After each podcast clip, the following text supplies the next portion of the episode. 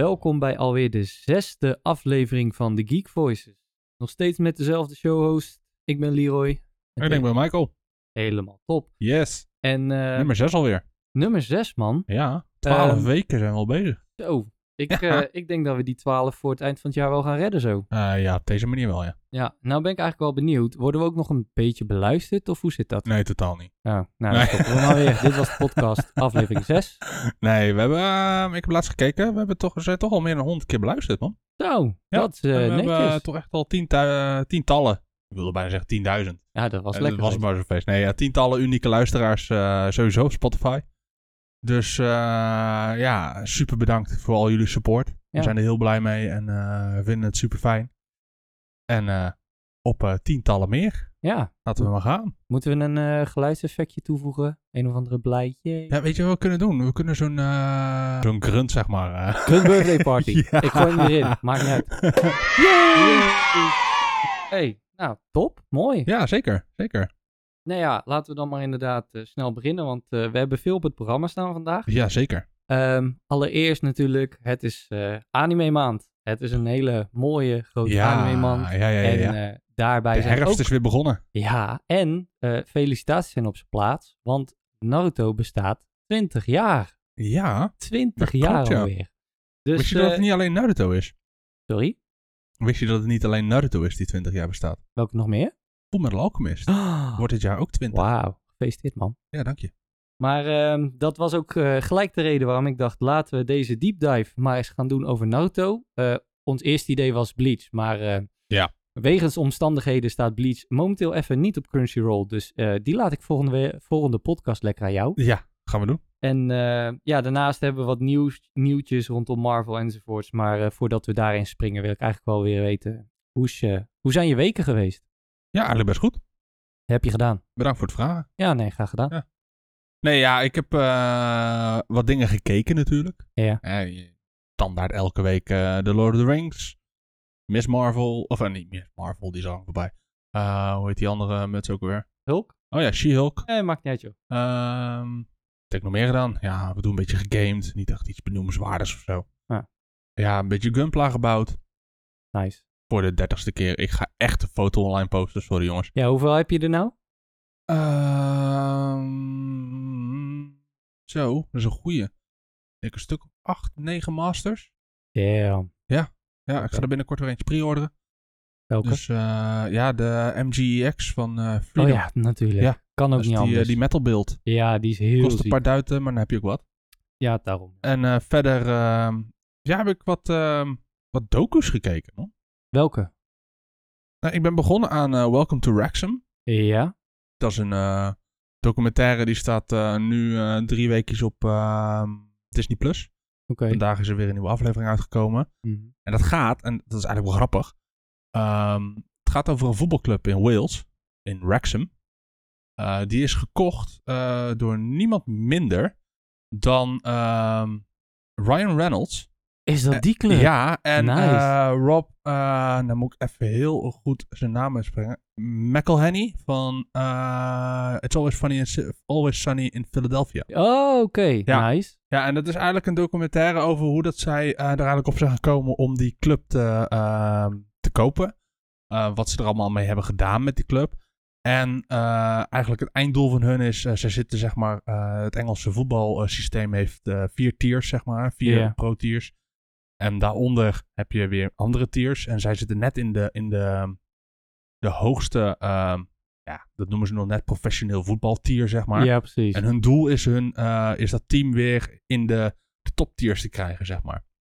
Dus dat is echt wel heel grappig om dat te zien. Ook zeker omdat het, ja, het is Ryan Reynolds. Ik wou zeggen. En eh, het is eh, Rob McElhenney en die, die, die gast is ook briljant. Ja. En het grappige is, zeg maar, dat zegt hij ook in de eerste aflevering, Rob, die, die eh, is zeg maar de initiatiefnemer erin. Die zegt ook van, ja, weet je, eh, sport is mijn hele leven. Ik doe mijn hele leven, ehm, woon ik in Philadelphia en die, dat staat gelijk aan, aan, aan de voetbalclub, de Eagles daar. Ja. Ehm, dus ik wilde zelf ook iets gaan doen met sport. Dus ik wilde een voetbalclub kopen. Maar ja, goed, ik heb tv-geld. En ja, met tv-geld ga je dat nu redden. Dus ik heb eigenlijk ehm, filmsterrengeld nodig. En dan niet zomaar filmsterren geld, maar eigenlijk superhelden eh, Film. film Ja, geld. ja. En ehm, dat niet alleen. Ik heb eigenlijk ook eh, telefoon eh, company geld nodig. Hmm. En dan hoor je me ook zeggen, wat heeft die fucker eigenlijk nog meer voor bedrijven, weet je? En dan komt hij er eigenlijk op neer dat hij Ryan Reynolds wil vragen. En dan nou ja, tussendoor een beetje via Zoom wat meetings en weet ik wat. Maar die gasten hebben elkaar nog nooit gezien. Die hebben elkaar gewoon online ontmoet via iets anders. ja. En dat is eigenlijk een beetje een vriendschap geworden. En toen hebben ze een voetbalclub gekocht zonder elkaar ooit real life te hebben gezien. Dus dat is echt... Ja, die hele dynamiek tussen die twee is echt geniaal. Ehm, Inter- Plus. interessanter dan eh, Elon Musk en Twitter op het moment. Ja, ja, ja, ook dat heeft natuurlijk best wel wat leuke eh, twists en turns. Ja, maar eh, ja, nee, ik, ik vind het een hele leuke, leuke serie. Een hele leuke documentaire. Ehm, met een wat grappige insteek. Maar ook bloedserieus. Want die gasten die doen het niet gewoon voor de fun. Die, wil- die, die zijn echt wel invested in die, in, in die voetbalclub. En die willen er ook echt keihard voor gaan, zeg maar. Dus dat is echt wel heel mooi om te zien. Hmm. En eh, ik ben vandaag begonnen aan eh, een andere Netflix, eh, andere serie op Netflix. Dat is ook een documentaire en die heet Eat the Rich. Eat De, the Rich. ja, Eat the Rich. Oké. De GameStop saga. En het gaat erover, zeg maar, over ehm, in 2020 ehm, was er iets gigantisch raars gaande op de beurzen. Eh, Ja. GameStop, eh, de, de stocks waren al jarenlang aan het, aan het zakken, zeg maar, aan het dalen. En eh, je hebt van die hedge funds, zeg maar, dat zijn die miljarden conglomeraten, zeg maar, die dan Mm. stocks opkopen om te shortcellen, om zo makkelijk en snel geld te verdienen. Maar door het shortcellen gaan bedrijven eigenlijk failliet, omdat geen enkele investor dan meer vertrouwen heeft in dat bedrijf en daardoor ook niet meer investeren. Mhm. En dat is eigenlijk een soort eh, financiële oorlog geworden tussen de grote hedge funds en een gigantische groep op Reddit. Ja, ik kan eh, de nieuwsberichten nog herinneren inderdaad. Die zoiets hadden van fuck dit, we gaan dit gewoon aanpakken. En ehm, die eh, er eigenlijk voor hebben gezorgd, die redditors ervoor hebben gezorgd dat die hedge funds miljarden aan verlies hebben geleden, zeg maar. Maar dit is een documentaire over hoe dat precies van, tot stand is gekomen en hoe dat is gegaan, zeg maar. Dat is ook super interessant. Is een mini-docu, staat nu op, eh, op Netflix. Cool. Dus dat zijn ook gelijk mijn tips eigenlijk voor deze week. Eh, Nice. Welcome to Wrexham. Wrexham is met een W, W-R-E-X-A-M. H-A-M. Ik weet niet precies, het is Wales, dus het is raar. En ehm, ja, Eat the Rich, de GameStop saga, die staat Cool. op Netflix. Power to the people. Ja, zeker. Ja, nee, het zijn echt eh, twee hele toffe docu's. Uh, dus een keer wat anders, zeg maar, dan eh, een serietje of een game of wat dan ook. eh. ja, als je tijd hebt, ga het gewoon checken. Nice. Zeker. Ga ik zeker doen. Hoe zit het met jou? Ja, ik heb vrijwel niet gegamed. Mede ook omdat er niet superveel leuks uit is. En daarnaast heb ik genoeg andere dingen te doen. Eh, ik heb natuurlijk ook eh Rings of Power verder gekeken. House of Dragons verder gekeken. Ja, heb Eh, je House of Dragons verder gekeken? Ja, ook. Gaat eindelijk los. Ik moet wel zeggen, ik ben de timeskips in House of Dragon echt, echt beu nu. Gewoon echt beu. Maar de laatste aflevering ging op zich wel lekker los. Dus er gebeurde eens een keer wat. Rings of Power al helemaal. Dus mensen, ga die alsjeblieft oppakken. de laatste die niet aflevering van Rings of Power was vet, hè? Ja, is lijp. Echt niet Gruwelijk. normaal. Ik snap nu eindelijk waar het budget voor gebeur- gebruikt is, zeg ja, maar. ik ben echt benieuwd.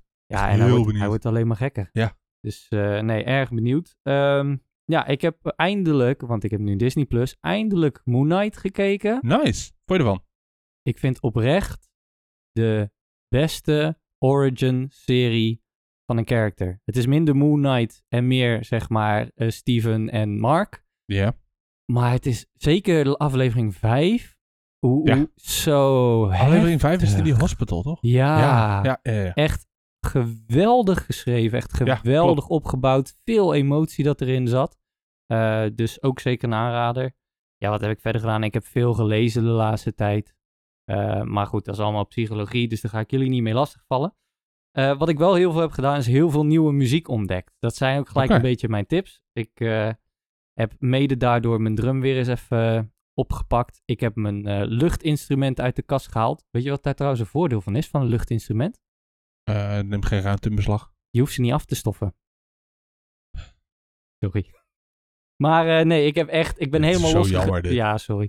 ik ben helemaal losgegaan in de woonkamer, want ik heb echt heel veel eh, nice nieuwe nummers gevonden op het gebied van rock en van punk. Dus die ga ik ook even met jullie doornemen. Ehm, ik weet dat jij er niet zo fan van bent, maar Bring Me The Horizon vind ik op zich, of vind ik op zich, vind ik oprecht gewoon echt wel een nice band. Dat is niet mijn ding, nee.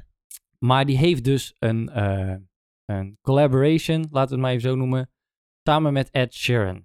Ja, dat dacht ik eh, ook. Wat? Ehm, Ed, oh nee? In mijn notities staat Ed scheerapparaat. Dat is een autocorrect. maar eh, nee, Bad Habits, het nummer van Ed Sheeran, is vrij bekend. Eh, Ja. Ik vind het een vreselijk graf nummer. Ik vind hem sowieso een rot artiest. Sorry dat ik het zeg. Ehm, maar deze versie samen met ben Bring Me The het dus Horizon niet helemaal is wel niet eens, hè? Vind jij Ed Sheeran nice? Ik vind eh, Ed Sheeran echt wel lekkere nummers. Ja, Ja, het- zeker. Nee, is echt niet mijn Kijk, het ding. is niet zo dat ik het gewoon elke dag even lekker opzet om even lekker Ed Sheeran te luisteren of zo. Daar Nee, niet van. Maar als ik het voorbij komt, dan, dan zet ik het niet af. Nee, wisselt niet. het nog wel eens af met Harry Styles. Ja, bijvoorbeeld. Oh, mijn Ja. goede. Ja, nee, sorry. Dat en eh, vooral ook, eh hoe is het, Dua Lipa en Bieber? eh, ja, tot Ja. zover gaat ook mijn kennis van oké. muziek. Maar goed, dat eh, Maar eh, nee, niet mijn ding. Maar deze versie eh, zeker de moeite waard. En Bring Me The Horizon heeft ook een nummer gemaakt samen met popster Sigrid. Sigrid? Sigrid? Ik heb geen idee wie het is, maar Bad Life heet het nummer. Vrij bekend nummer schijnt. Ik ken het niet, maar de versie is wel nice. Wat ik wel heel leuk vind, als we even teruggaan naar de oldschool punk bands. Eh Waterparks heeft een eh, nieuwe release van hun nummer Self Sabotage eh, uitgebracht. Samen met niemand minder dan Good Charlotte. Oh, serieus? Ja, en dat is oprecht echt wel een lekker nummer. Oh, die moet ik even opzoeken. Dus, en daarnaast heeft begin september Good Charlotte natuurlijk ook samen een nummer gemaakt met D. Wayne. En dat is niet de Ierse R&B raplegende die wij kennen. Het is een alternatieve rockzanger uit Houston, Texas. Oké. En het nummer eh, heet Take This Crown. Is ook echt een aanrader. Ik vind het een heel erg eh, nice nummer. Eh, ik ken Dwayne zelf niet zo heel goed. Maar daarnaast heeft hij ook weer een collaboration gemaakt met Cray en Kaizo. Zegt me helemaal niks. Maar het nummer Love Me, Hate Me is echt een geweldig nummer. En de combinatie tussen man-vrouw stem vind ik altijd wel heel erg lekker. Ehm, dan heb ik twee artiesten die waarschijnlijk niemand nog kent, maar zeker wel de moeite waard is om te checken. Eén daarvan is Divide Music. Zeg je niet zoveel, hè? Nee, zeg maar Nee. helemaal niks. Divide Music, eh, zijn naam is Klinkt Alex. meer als een een of andere platenmaatschappij of zo. ja, het had, het had gekund. Ja. Zeker waar. Het had zomaar gekund. Maar, Divide, ehm, the music, Divide label. Music Studios. Was it on the beat? Oh nee. Ehm, maar Alex eh, is een one-man band en zijn muziek is geïnspireerd door games, films en anime. Eh. Hij maakt heel veel heavy metal tot pop-akoestische muziek. En hij heeft een nummer samengemaakt met Amelie. En Amelie zegt je denk ik ook niet zoveel. Nee. Amelie is best wel een grote naam, kwam ik achter. Amelie, Am- Amelie. Amelie, am- we gaan te veel naar de hip-hop scene Ja. hier. Eh, nee, Amelie maakt vooral anime Ehm, maar zij is eh, beter bekend als een voice actor van dubbed versions van anime. Zij heeft de vrouwelijke stemmen gedaan van onder andere char- characters in One Piece. Dus, dus een hele bekende stemacteur voor de Ja, ja, Engelse. ik, ik, ik kijk geen Ja. dub, dus ik, Ik kijk hem ook alleen in het maar voor de mensen die zeg maar Engels wel kennen, zullen haar misschien wel kennen. Ehm, Flauw idee.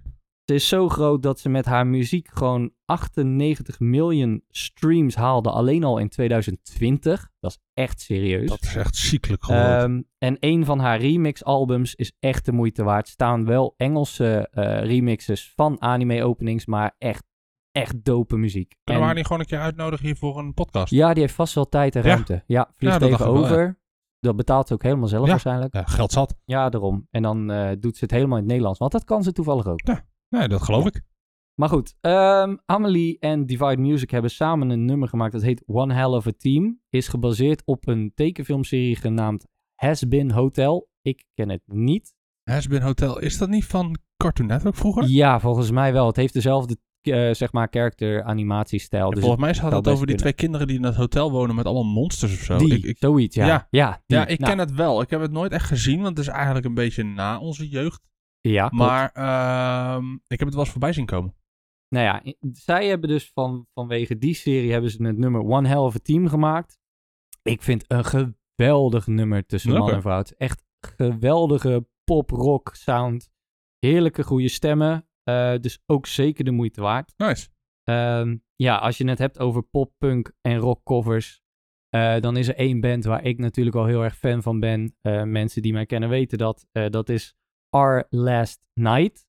Eh, die zegt jou ook niet Nee, zoveel. nee, jij bent niet zo van de New Age, hè? Maar nou, ook echt- dat. En ik ben ook niet zo van de covers. Oh, nee, maar deze... Ik, ik, weet je, ik heb vaak zoiets. ehm, ik leg bij heel veel muziek leg ik een bepaalde connectie. Ja, En als ik dan een cover hoor, dan ehm, klopt het niet meer in mijn hoofd, zeg maar. ja. sowieso ik. vind ik dat je van sommige bands sowieso af moet blijven aan covers. Ja, Ehm, dan maakt het niet uit hoe goed de coverband is.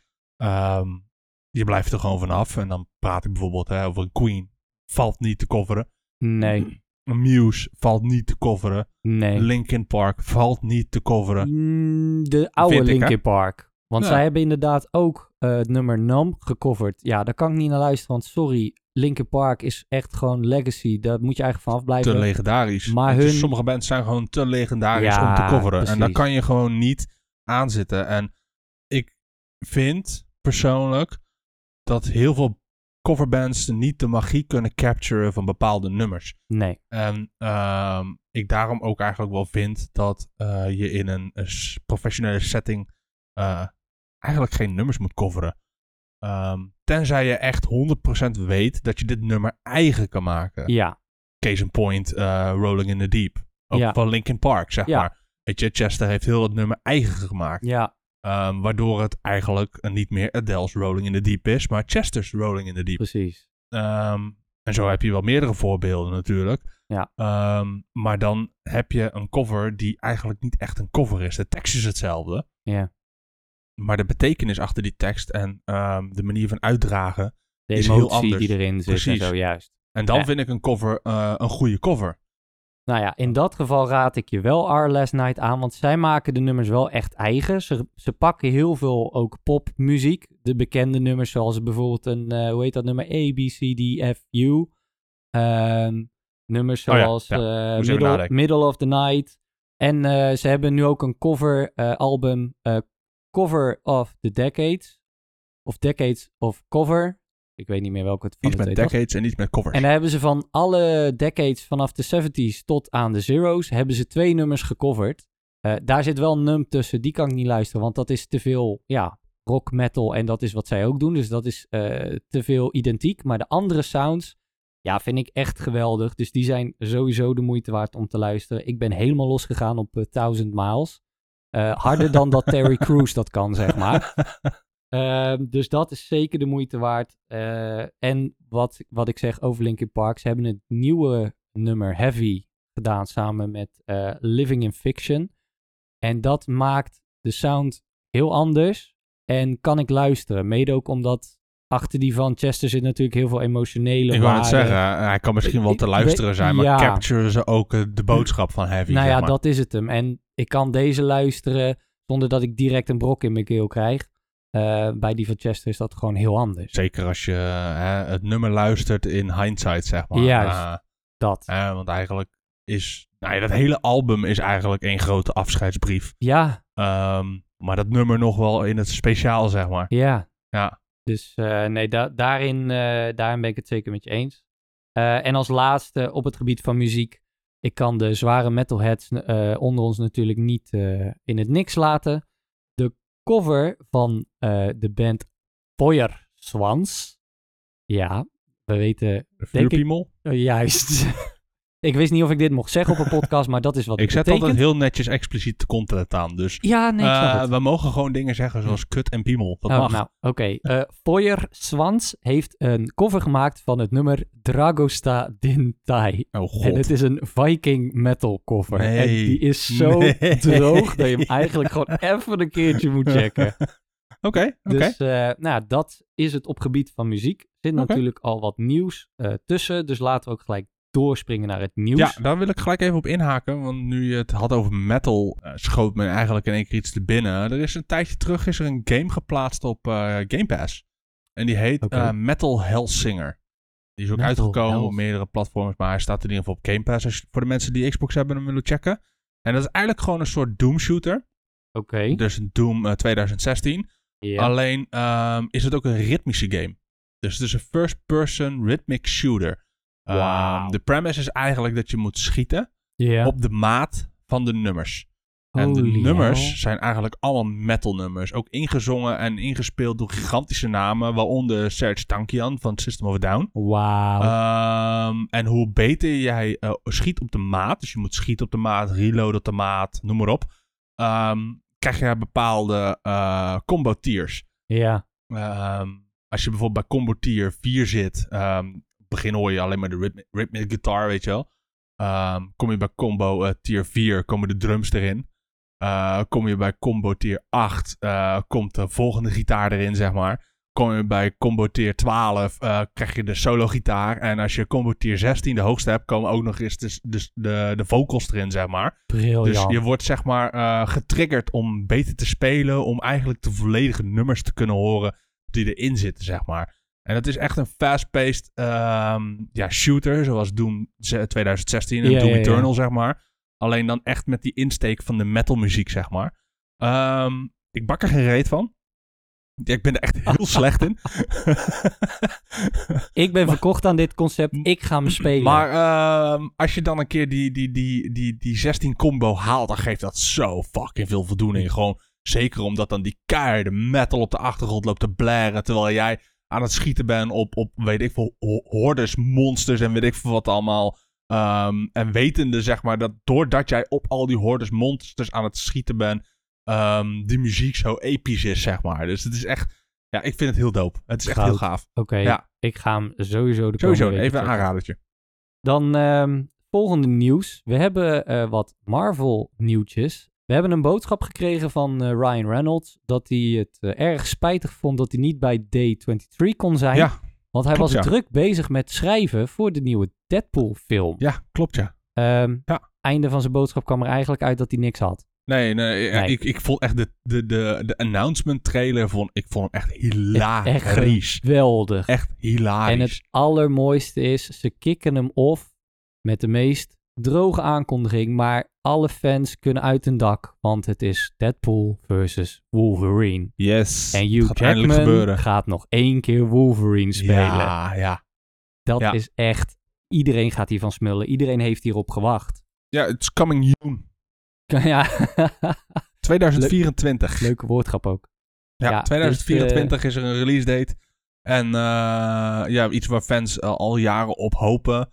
Eh, Deadpool versus Wolverine. Eh, Ja. Voor de mensen die de comics hebben gelezen. eh, ik ben blij dat ze hem R-rated houden. Ja, snap Want ik. dat is echt nodig. Dat ga je echt nodig hebben bij deze film. nodig. 100%. Precies, plus het feit dat Ryan Reynolds en Hugh Jackman natuurlijk echt gigantisch goede vrienden ja, zijn. geweldig. Ehm, ik weet niet of jullie dit allemaal een beetje volgen, maar ehm, Ryan Reynolds en Hugh Jackman hebben al jarenlang een Twitter beef met elkaar. ja, Die lopen elkaar al jarenlang Ja. in de zeik te nemen via, twi- via Twitter. Ehm, waarin op het begin mensen nog dachten van wat de fuck is dit serieus. Ehm, het ging zelfs op een gegeven moment zo ver dat de vrouw van Ryan Reynolds zich ermee ging bemoeien. En de vrouw van Hugh Jackman. En weet je, het, het, ja, het is echt hilarisch. Twee bij elkaar, eh, een godsend bijna. En ze relationship, eindelijk... relationship goals. Ja, het is echt een bromance. Ja. Het is echt gewoon een bromance. Ja, En ehm, dat ze nu eindelijk een film samen gaan opnemen. ja, fantastisch. Fantastisch. Ik heb er zoveel zin in. dream come true. Ja, absoluut. Absoluut. En eh, als mensen een beetje willen weten hoe het plot gaat, want hè, Wolverine is natuurlijk dood gegaan. Er is nog een tweede trailer uitgekomen, daar leggen ze het je even uit. Ik zal het even gaan kijken als ik jullie was. Dan Ja, weet je een beetje wat je kan verwachten. ja, zeker. Ja, een andere trailer die eh, uit is gekomen is eh, Wakanda Forever. Ja, dat zei jij inderdaad. Ik heb hem niet eens gezien. Hij is gek. Hij Ik is ga het even kijken. Ja, jongens, heel even gaaf. wachten. Ja, jongens, even pauze met z'n allen. Eh, nee, maar hij is, echt, hij is echt ziek. Er wordt meer in, over het verhaal verteld over de Serpent God, wat schijnbaar de villain gaat worden. Ehm, er is een soort van, ergens tussendoor, een nieuwe, ik weet niet wie het is, maar een soort nieuwe Iron Man ja, te zien. Ironheart. Ironheart. Eh, die laten ze voor het eerst echt goed zien. Mhm. Ehm, maar echt, dit, dit, dit wordt een geweldige ik nog zien, man. Ik ben echt heel benieuwd naar die film. Ik Ja, ben er echt ook. hyped voor. We gaan naar de bios samen moeten Ja. doen. Is goed. Als hij uitkomt, dan gaan we gelijk eh stoelen reserveren. Ja. Ja, kunnen we even kijken of we misschien wel eh, uitgenodigd kunnen worden voor de, voor de, hoe heet het nou, voor de première? De première. Ik bedoel, ja. we hebben nu al minder zoveel eh, luisteraars. Ik, we zijn eh, bijna bekende ik, Nederlanders. ik, ik ga ervan uit dat Pathé meeluistert en ons binnenkort een berichtje stuurt. Of denk dat ook we even, Ja, zeker. Ja. Dan doen we gewoon even een, een, een, een, eh, hoe heet het nou, een reviewcast opnemen. ja, ja, Ja. vind ik een hele goede special. Shout-out naar Pathé. Ja, en anders de VU mag ook nog. Maar in ieder geval, wij zijn graag bij de première. Zeker. En er zijn nog twee nieuwtjes. Ja, Die ja. had jij. Ja, klopt. Uh, voor de mensen die Day 23 hebben gezien, Ja. D23, uh, ze hebben natuurlijk die hele tijdlijn weer een beetje laten zien en weet ik wat Ja. allemaal. En uh, er was één eigenlijk ehm, project, ehm, die was mysterieus van de tijdlijn af verdwenen. Ehm, Oh. ja. Ja, en dat was Armor Wars. Oh, ja. Ja, de serie van Don Cheadle als War Machine. Ja. Dat zou een zesdelige serie worden. En die is weg. Die eh, komt ook niet meer uit. Helemaal niet meer. De serie komt niet meer uit, nee. Nee, het wordt nu een film. Prima. Ja. Kan ik heel erg mee leven. Ja. Ben ik heel erg fan van zelfs. Absoluut, ja. Ik, eh, ik ben heel benieuwd. Eh, als je een film maakt, heb je natuurlijk een groter budget. Ja. Ehm, heb je veel meer vrijheden qua ehm, uitgaves daarin. Ja. waardoor het misschien wel beter tot zijn recht komt. Ja. Ehm, de verhaallijn van, van Armor Wars in de comics gaat een beetje over het feit dat Stark Tech in de handen komt van supervillains. Ja. Ehm, waardoor je eigenlijk een beetje een, een, een, ja, een Armor Wars krijgt. Hè? Hey, wat Hmm. gek, wat een rare naam voor, een, voor, de, voor de film. Wat toevallig Ehm, zouden ze daarover nagedacht hebben. Ja, het enige waar ik wel een beetje bang voor ben, is een beetje een repeat van eh, Iron Man 2. Waarin Ja, dat eigenlijk ook al een Ja, beetje gebeurt met Justin Hammer. Ik ben benieuwd of Justin Hammer ook weer terugkeert in de film Armor Wars. De kans is aanwezig. Ja, dus eh, ik ben wel heel benieuwd ernaar. Ehm, maar ja, het, wordt dus geen serie meer, maar een film. Dat vind ik een goede keuze. Ehm, ik denk ook dat je met films ervoor eh, kan zorgen dat je dingen niet te veel uitrekt. Jazeker. Weet je, dat is vooral waar heel veel van die Marvel-series series natuurlijk eh, last van hebben. Ja. Is, ehm, het begint vaak sterk. Ehm, dan kakt het in het midden in. Ja. En dan eindigt het weer sterk. Ehm, en da dat, dat vermijd je natuurlijk met een film. Ehm oh, tuurlijk, het midden van een film kan ook inkakken. Maar dat is altijd nog korter dan eh, dat je een week zit te wachten op een aflevering. Dat je denkt, yes, nieuwe aflevering. En dat je dan daarna denkt van, wat de fuck heb ik eigenlijk gekeken? Want dit sloeg helemaal nergens op. Juist. Dus ja, dat, dat, dat, dat ben ik benieuwd naar eh, hoe dat eh, gaat uitpakken.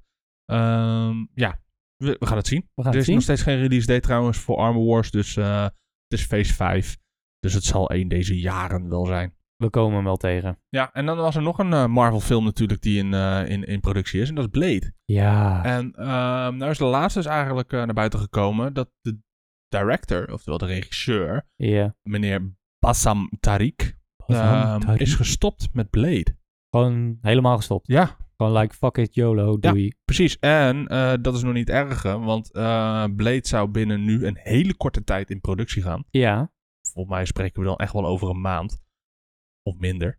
Dus ze hebben nu nog een hele korte tijd om eh, een vervanging te gaan zoeken. Oké, fijn. Ja, precies. Dus dit, dit, dit bood niet echt heel veel goeds Blade. Eh, moet wel zeggen dat het voor Phase 5 de film was waar ik eigenlijk toch wel het meeste naar uitkeek. Ja. Ehm, zeker ook omdat ehm, de eerste drie Blade films, nou ja, de eerste twee Blade films eh, waren episch, waren fucking vet. Ja, Uh, klopt. de derde, ja, ehm, Spreken we niet over. nee, ja, dat zo makkelijk om te zeggen. Het was gewoon niet Ja, wat ik ja. had gehoopt. Snap wat je bedoelt. Ja, precies. En, en weet je, deze films hebben toch ook wel weer eh, de backing van Wesley Snipes gekregen. Weet je wel, de or- original Blade. Dus dat zegt eigenlijk ook wel wat. En ehm, hoe, hoe heet die? ik kan die naam nooit uitspreken. Ja, de hoofdacteur. Ja, precies. Ja. Ehm, ik, ik butcher, Ali. Ik butcher Gewoon altijd Ali. Echt zijn naam. Ali. Mahershala Ali. Ik heb hem even snel opgezocht. Bleek dus ook nog eens zo te zijn ehm, dat die niet helemaal tevreden was over de manier waarop de productie nu liep. Ehm, was niet helemaal tevreden met het script. Was er best wel gefrustreerd over. Ehm, waardoor er nu eigenlijk ook wel weer geruchten zijn dat er eh, wordt getweakt aan het script. Ik bedoel, als jij een hoofdrolspeler hebt die niet achter het script staat, ja, dan kun je een film gaan opnemen. Maar dan wordt het sowieso een, eh een boutfilm. Ja. Ehm, dus dat is op zich wel weer eh, goed. Wat er een beetje naar buiten is gelekt was dat het script zo'n 90 pagina's lang was.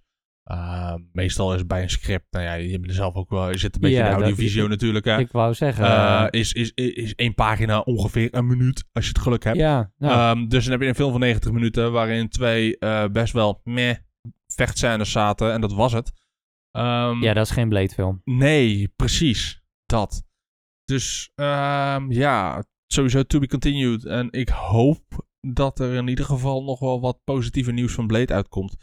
Ehm, en dat we een beetje een goede eh, vervangende regisseur krijgen voor eh, meneer Tariq. We gaan het zien. Ik Ja. ben erg benieuwd. Ik hoop inderdaad dat daar nog eh, wat aan getweet gaat worden. Ja, even overschakelend van films naar games. Ja, Het is weer aangekondigd, jongens. E3 in 2023 wordt weer fysiek en gaat door in Yes. Los Angeles. yes. Yes, eindelijk.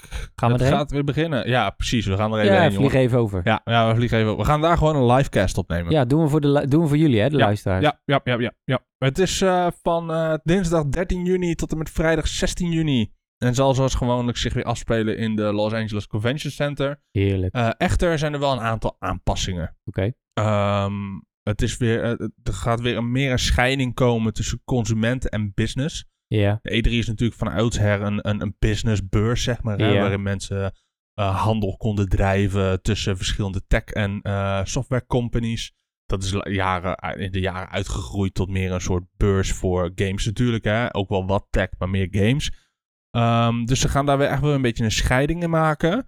Ehm, ook de mensen die het organiseren is die ISE natuurlijk. Die hebben nu wel eh, iemand anders in de, in de, hoe heet het nou? In de armen geslagen om het te gaan organiseren. En dat is Readpop.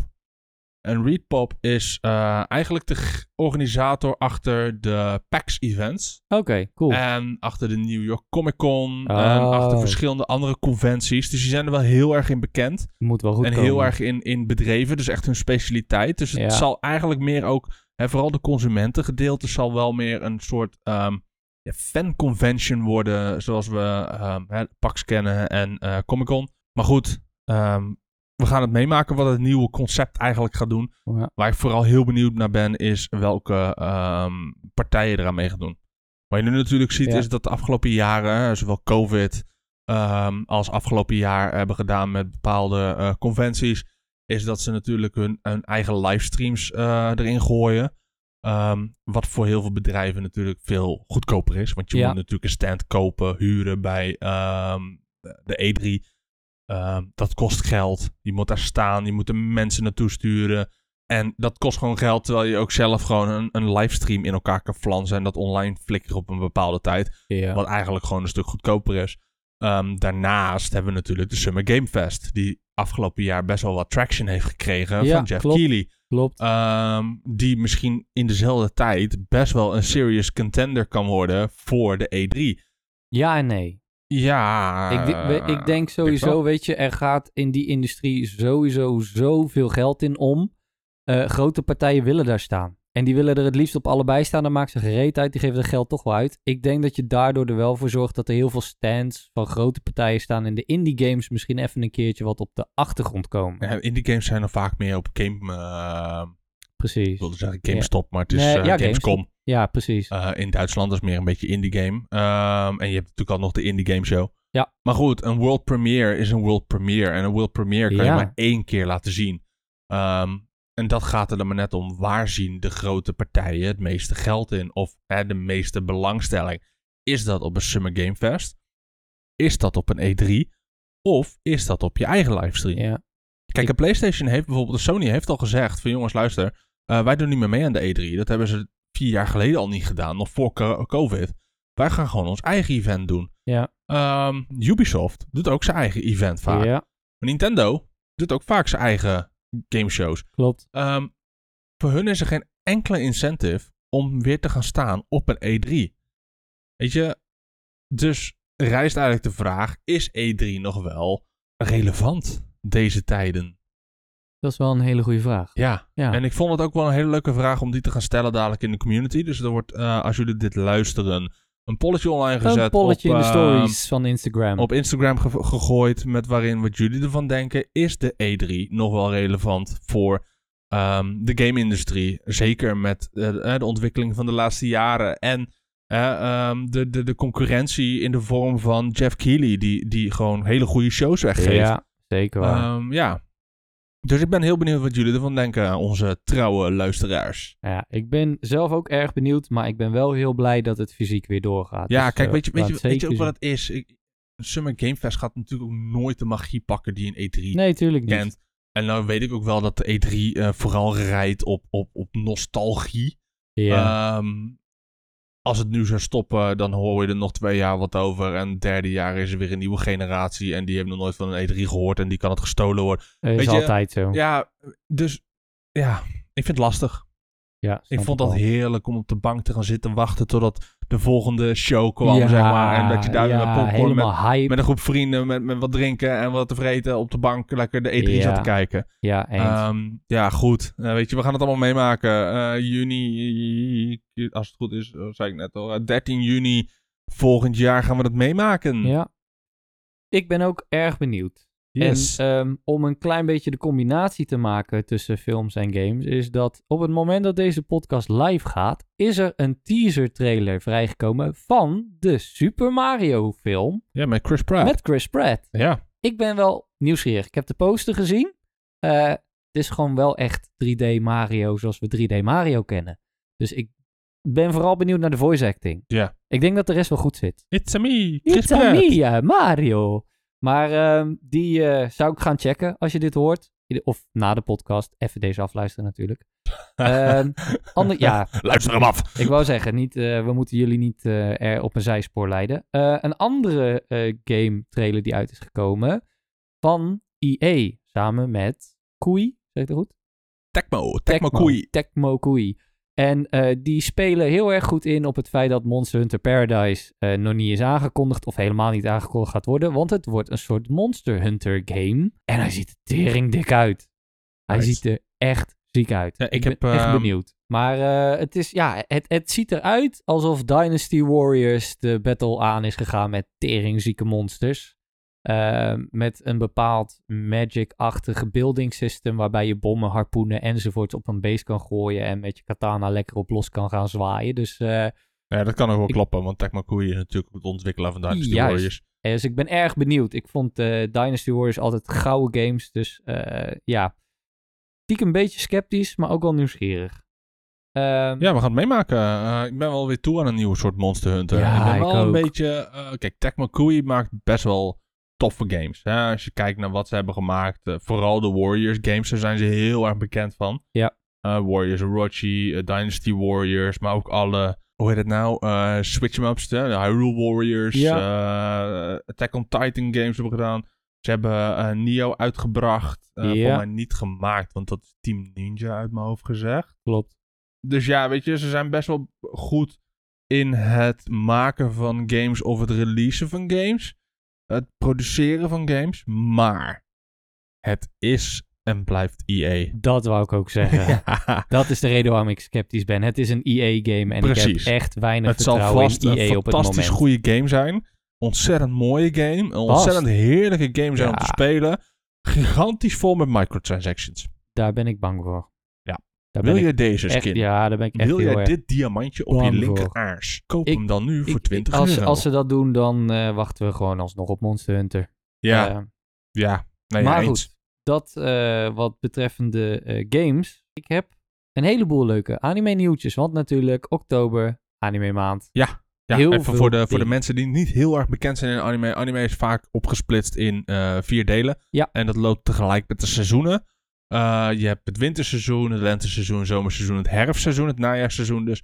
En wij zitten nu in het najaarseizoen. En eh, dus betekent het dat er heel veel nieuwe, maar ook continuations zijn Ja. van eh, anime-series. En dan trap ik gelijk af met eentje waarbij ik echt zo hyped ben als een kind van zes in een speelgoedwinkel. Boku no Hero, seizoen 6. Ja. Hij is uit. Ja, hij ik is begonnen. heb de eerste aflevering gekeken Ja. en ik had kippenvel. Ik zat er weer helemaal Nice. in. Ik voelde me echt even weer een klein jochie. Ondanks dat de serie niet echt is voor kleine jochies, want hij is gelijk alweer bloederig. Meer ga ik niet zeggen. Sowieso checken. Hij Ja. komt elke week een nieuwe aflevering. Normaal, eh, Simulcasting of niet? normaal na 12 afleveringen is er altijd een break binnen anime. Deze niet. Deze heeft geen break. Hij gaat gewoon 25 afleveringen lang door. Oh, beter. Dus dat is super top.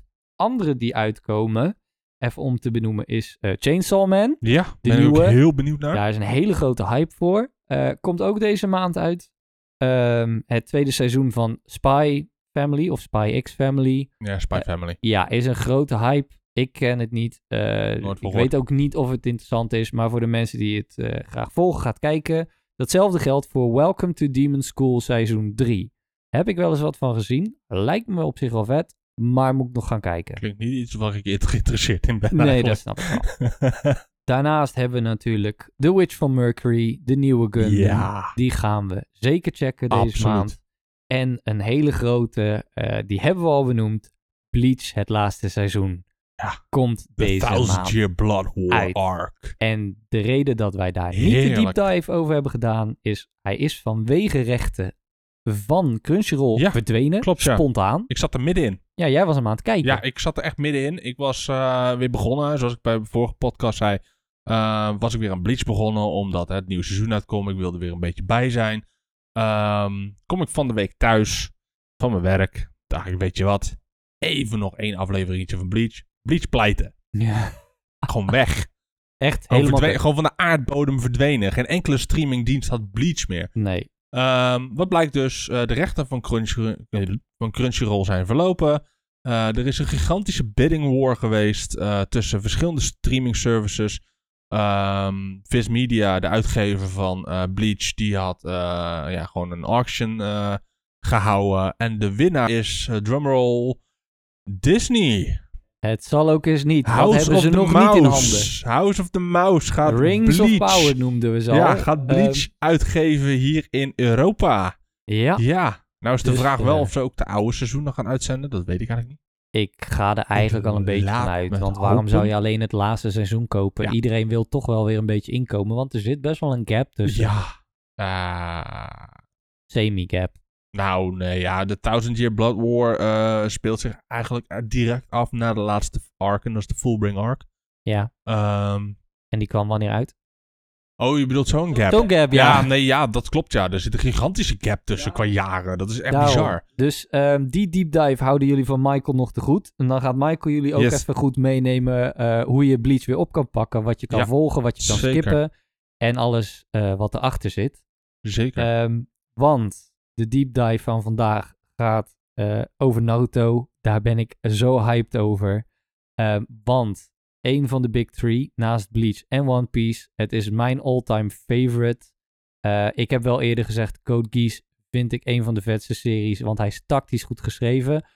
Maar de, wat er is geschreven dat niet direct op scherm wordt vertoond, de background stories, de mythologie achter Naruto, maakt Naruto voor mij een all-time favorite. En hij bestaat nu 20 jaar. En omdat hij 20 jaar bestaat, staat er op Crunchyroll nu een editorial cut. Met een aantal vette momenten vanuit de editors eh, rondom natuurlijk 20 jaar Naruto. Daarnaast hebben ze aangekondigd dat Sasuke Retsudan een manga krijgt. En eh, dat is gebaseerd op de light novels van onder andere Sasuke. Er zijn er ook een aantal van Kakashi, volgens mij van Naruto. Eh, die krijgen allemaal English translations en die komen allemaal ook naar Europa. Dus voor Oh, cool. manga-liefhebbers eh, zeker even checken. Light novel liefhebbers.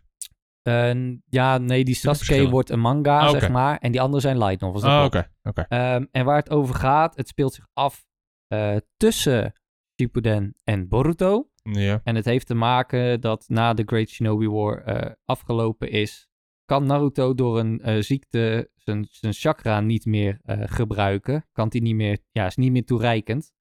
En om hem te genezen gaat Sasuke samen met Kakashi en Sakura op avontuur om Naruto te helpen van zijn ziekte. Dat is het verhaal. Verder weet ik niks. Oké. Dus, ehm, en hij is natuurlijk eh, nog steeds van Kishimoto. Dus eh, dat is altijd nice. Kishimoto Sensei. Heeft Kishimoto, heeft Masashi Kishimoto hem zelf geschreven? Ehm, samen met Esaka. Esaka. Eh, hij heeft sowieso nog wel de artwork gedaan. Oké. Kijk, ik wil niet te veel bashen op Naruto. Laten we heel eerlijk zijn. Want het is wel echt iets wat, wat, wat me in mijn jeugd heeft gevormd. En eh, wat mijn liefde voor anime een beetje heeft opgewekt. Ja, Ehm, en het is gewoon een hele emotionele ride geweest. heel erg. ehm, in eh, mijn vormingsjaren. ja, Eh, echter mm, vind ik wel dat richting het einde Kishimoto een beetje off the rails ging. En dat merk ik dan ook nu dat je zo'n heel mooi verhaal vertelt over een side story die eigenlijk na Shippuden afspeelt. ja, Dan denk ik, ja, weet je, is dit nodig? dat snap ik 100%. ik ga wel erbij zeggen, want uh, in deze deep dive, ik ga het jullie vast zeggen, dit is de eerste keer dat ik het zelf toe ga geven. We gaan het uur echt niet redden, we gaan hier echt overheen. Maar het is de moeite waard, want er zit zoveel zieke shit hierachter, die ik jullie ga bijbrengen, dat je uh, blij bent als je het allemaal weet. En... Blij bent als het klaar is. Ja, bijna. maar ook inderdaad een klein beetje uh, toch wel weer de uitleg waarom inderdaad in het eind uh, dingen niet helemaal ja, lekker zijn. Maar voordat ik jump in alle mythologie wil ik eigenlijk wel weten, 20 jaar Naruto, dat is 2002. Weet je nog waar je was de allereerste keer toen je het keek? Ja, thuis achter de computer. Nice. Via een AMV kwam ik er toevallig achter. En dat was um, een nummer van volgens mij Papa Roach. Ja. Uh, en de AMV was. Um, Kijk, ik heb niet gelijk gekeken in 2002. Laat ik, laat ik nee. dat gelijk vooropstellen. Nee, nee, Toen was ik 11. Dus heb ik die. Toen, hadden we nog niet echt heel erg fantastisch internet trouwens. Ook. Dus uh, dat was ook wel een beetje het nadeel. Uh, nee, de eerste keer dat ik het had gezien zat ik op de middelbare school. Een AMV voor mij van Alive van Papa Roach uit mijn hoofd gezegd. Met uh, het gevecht tussen Naruto en Sasuke in Final Valley. Heel vet. Uh, waardoor ik ben getriggerd om, te om het te gaan kijken eigenlijk. En toen heb ik het opgepakt. Ja, ja. Nou, ik moet eerlijk zeggen, uh, die van mij is ook semi door een AMV gekomen.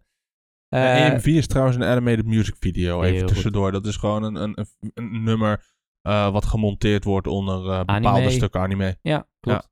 Um, ik zat uh, vroeger in een, een, oude vriendengroep waarbij een maatje van mij, Ruben, ja, een jaar of twee ouder was dan ik. Hij zat een klas hoger dan ik. Ik zat pas in de tweede klas, dus ik was ook pas 2003 of zo begonnen. En hij keek op zijn laptopje toen we met z'n allen zaten op een gegeven moment Naruto. En het leek me wel interessant. En toen kwam ik een EMV tegen van een Sasuke op het nummer I Hate Everything About You van Three Days Grace. Oh ja.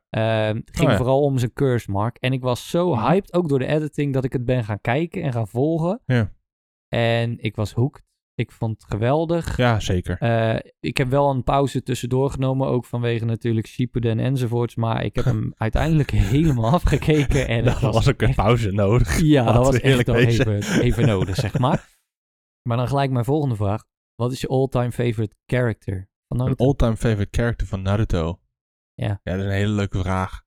Ik, uh, ik heb niet echt één all-time favorite character. Mm -hmm. um, elke character die ik vet vind, heeft zijn eigen arc, zijn eigen backstory, ja. zijn eigen um, momenten.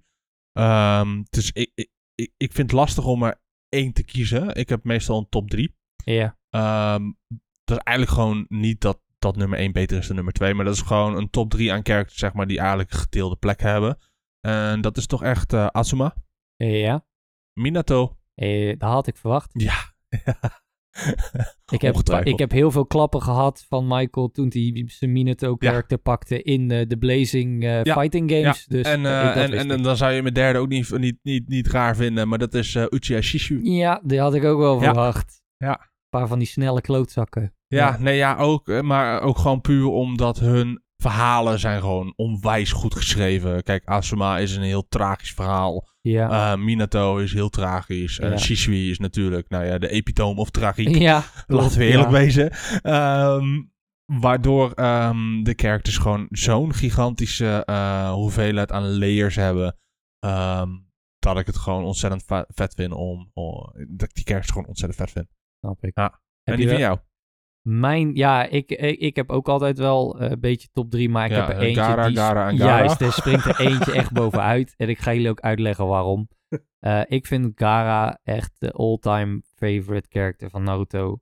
Um, Gara heeft een backstory waar je u tegen zegt. Daar kan ik bijna een hele diepte over wijden, dus dat ga ik niet doen. Maar Gara uh, heeft natuurlijk net als Naruto een uh, tailed beast in zich zitten. En Gara's naam betekent uh, Demon Who Loves Himself. Dat is ook een beetje zijn beweegreden in het begin van Naruto. Uh, hij kent niks anders dan haat tegen hem. Hij heeft geen vrienden, hij is shunned. Iedereen is bang voor hem. En om die reden vecht hij alleen maar voor zichzelf. En heeft hij eigenlijk bijna een hekel aan iedereen. Ja, dat ik me daaraan kan relaten is niet echt heel erg positief. Maar dat uh, terzijde. Wat ik heel mooi vind is dat Gara ontdekt door Naruto. Die vrij ja, gelijke omstandigheden kent, dat de kracht van, en dan komt die, dit is echt de anime-cliché van fucking elke anime, de power, of friendship. Inderdaad, dat hij door de power of friendship, door Naruto ziet dat het ook anders kan en dat er eh, ja, meer is dan alleen liefde voor jezelf. En dat die woede er niet hoeft te zijn. En Gara ontwikkelt zich uiteindelijk tot een van ja, de wijze leiders rondom de Great Ninja War. En een hele eh, ja, mentaal stabiele kerel die zo'n geweldige omslag heeft gemaakt in zijn leven. Eh, wat eigenlijk alleen maar begon vanuit verdriet en vanuit haat. En daarom vind ik hem een van de meest vette characters. Ik, Zeker. ik Hij is vind- ook heel top.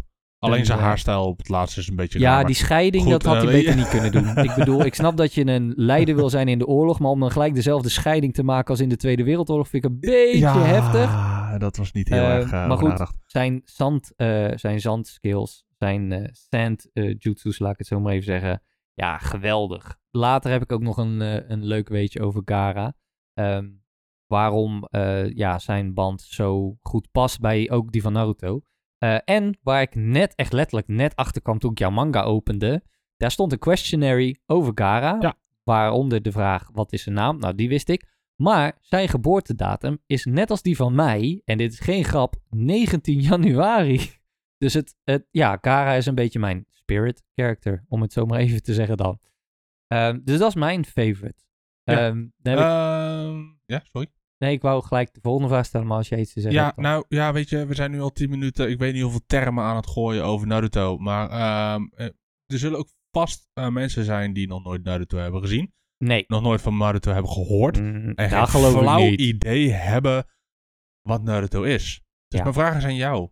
Wat is Naruto? Het is gewoon een ninja-serie. Dus, nee, het is heel, het is heel beknopt. Ehm, ja, hoe ga ik dit heel goed uitleggen? Ehm, er zit een hele hoop mythologie achter die, als ik die straks uitleg, het wat beter valt. Eh, maar het is Ah, maar gewoon de eigenlijk... de- premise. Waar is, gaat het over? Het is de tale of a Naruto Uzumaki. Eh, een jongen met een, eh, ja, laten we het even zeggen, tailed beast in zich. De tailed beasts zijn een soort, ja, demon spirits. Hoe leg je die goed uit? De Chinchurikis? Ja, eh, de Tailed Beasts, hè, dat zijn eigenlijk de, de, de, de negen spirit animals Ja. die rond roamen eh, over de, de, de wereld. Ehm, het verhaal speelt zich af in een fictieve wereld, zeg maar, waarin ninja clans ehm, domineren. Ehm, er zijn een aantal grote dorpen, zeg maar, de, de villages, die zich allemaal gespecialiseerd hebben in een bepaalde vorm van. Eh zo heb je Konoha. Ja. Daar speelt het zich af. Dat is de Village Hidden, the leaves hidden, the village hidden in the Leaf. Hallo. Ja. Dan heb je ehm, eh, de, de, de Village of Mist.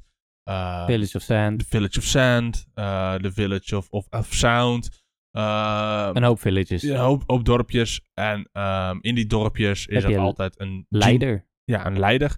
Eh, de Hokage of Ja. de Kazekage. eh, de Mizukage. Een kage. Ja, precies. Eh, dat, dat noemen ze een, een shadow. de Hokage is de Fire Shadow. die, die, die, die woont in, in, in Konoha. Maar goed, dat is hele diepe mythologie en, en, en vooral ook hele ehm, erge terminologie. Ehm, de Tilt Beasts zijn eigenlijk negen wezens die rondlopen over, de, over de wereld. Ehm, met zo'n immense kracht dat ze eigenlijk eh, complete ehm, steden kunnen vernietigen. Destructie aanrichten. Precies. Wat ze hebben gedaan is, ze hebben eigenlijk alle negen die beesten hebben ze opgesloten in een mens. Juist. Dat mens noemen ze de Jinchuriki. Ja. Eh, Naruto is een Jinchuriki en die heeft de Ninetales in zich opgesloten. Ehm, elk dorp heeft een Jinchuriki om ehm, de eh, status quo eigenlijk eh, gelijk te houden. Ja. Waardoor het eigenlijk niet meer eh, interessant is om andere dorpen aan te vallen. en zo eigenlijk ehm, geen oorlog meer te ontketenen. Natuurlijk zijn er nog steeds interne conflicten en onderlinge conflicten. Er zijn al twee grote Ninja Wars geweest. Eh, en in de wake van de tweede Ninja War is eigenlijk dit afgesproken: dat elk dorp zijn eigen Jinchuriki heeft. Het verhaal van Naruto is eigenlijk een jongen die eh, hè, dat zo'n tailed beast in zich heeft en daardoor wordt gezien als een monster. Ja, Ehm, Weinig daardoor, vrienden. en weinig vrienden, wordt inderdaad heel erg aan de kant gezet door het hele dorp en uitgekotst. Voelt zich eenzaam. En Naruto heeft één droom. En de droom is Hokage, Hokage worden, Juist. de leider van het dorp. Zijn droom is zoveel mensen en vrienden te krijgen dat hij ehm, de baas wordt van het dorp en daardoor eigenlijk ook wel geaccepteerd wordt. Ja. Ehm, Naruto is alleen opgegroeid, heeft geen ouders, die zijn al vroeg gestorven. Ja. Ehm, en dit is eigenlijk het verhaal van Naruto over hoe hij Hokage is geworden. Dit wordt eigenlijk al gelijk bekendgemaakt, dus niet echt een spoiler. Nee, klopt. En eh, gaandeweg het verhaal ga je zien, zeg maar, dat Naruto steeds meer ehm bands aangaat met, met andere mensen. Ehm, dat staat toch wel centraal, de banden tussen Ja. mensen. Ehm, eh, de emoties die mensen delen. En de, de enorme vriendschappen die kunnen ontstaan uit verschillen en uit andere zienswijzen. ja. De grote boodschap is eigenlijk heel simpel. Iedereen kan verbonden met elkaar zijn op een positieve manier. En daardoor nooit echt alleen zijn. Precies. Dat is eigenlijk Naruto in een, in een notendop. En Ja. eh, gaandeweg ga je conflicten krijgen tussen verschillende dorpen en, en gevechten en weet ik veel wat allemaal. En, en de conspiracies die zich ontvouwen Ja, zijn echt precies. heel sterk. het is wel echt een, een, een, qua premise wel echt een standaard shonen anime. Eh, het is echt voor jongvolwassenen of, eh, of, of adolescenten. Ehm, de humor is, is vaak gebaseerd op, zoals je die standaard kent van Dragon Ball, Ja. Eh, ehm, van One Piece, een beetje plat af en toe. Eh, soms hilarisch, maar vaak eh, als je de taal niet spreekt, dus als je Japans niet spreekt, vallen hier in het Westen heel veel grapjes toch wel stil. Ja, Ehm, maar goed, weet je, het is heel erg uitgesproken. Dat is vooral heel erg die Japanse humor. Dus ja, ik zou zeggen, ga het kijken, want het is wel gewoon Ja. leuk. Het, is, het is inderdaad qua, qua character bonding, qua schrijfwijze, qua het opbouwen van de emotionele banden tussen elkaar. Het is zo meeslepend emotioneel. Er zijn momenten dat zelfs de meest stoere mannen echt de tranen niet binnen kunnen houden. Dat weet ik 100% zeker als je van dit soort shit houdt. Ehm, en er zit zoveel mythologie achter. En om gelijk even in te springen over de Tailed Beast. ehm, het zijn natuurlijk spirit animals. Veel van, veel van. Eigenlijk alle spirit animals zijn ook gebaseerd op eh, echte spirit animals uit de eh, Aziatische cultuur. Eh, ik ga ze niet allemaal benoemen, maar er zijn er een paar die ik eventjes toch wel wil benoemen. Omdat ja, het verhaal erachter, als je het nu hoort en je kijkt later de serie, dan valt alles echt op zijn plek. Nou ja, de eerste die ik moet benoemen is natuurlijk de One Tail, die in Gara zit. De Shukaku. Shukaku. Ehm, Ja. Shukaku represents een Tanuki. raccoon, een Tanuki. wasbeer.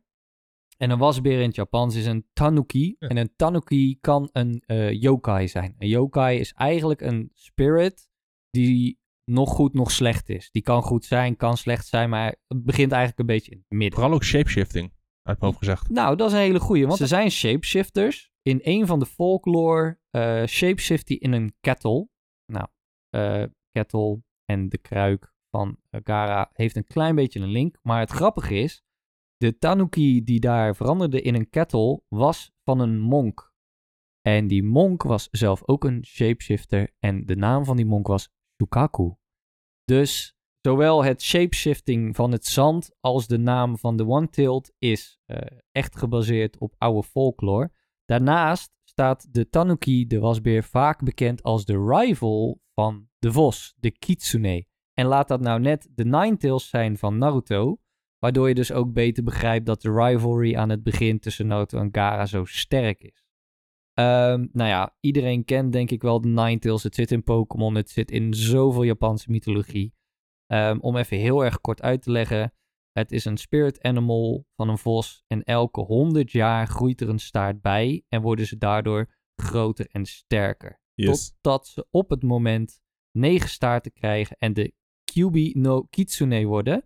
En dat eh, is ook een yokai. Een van de sterkste, om het zo maar even te zeggen. En die kan zowel goed als slecht zijn. Wanneer die goed is, is het een guardian. Nou, dat kunnen we van Kurama ook wel een beetje zeggen.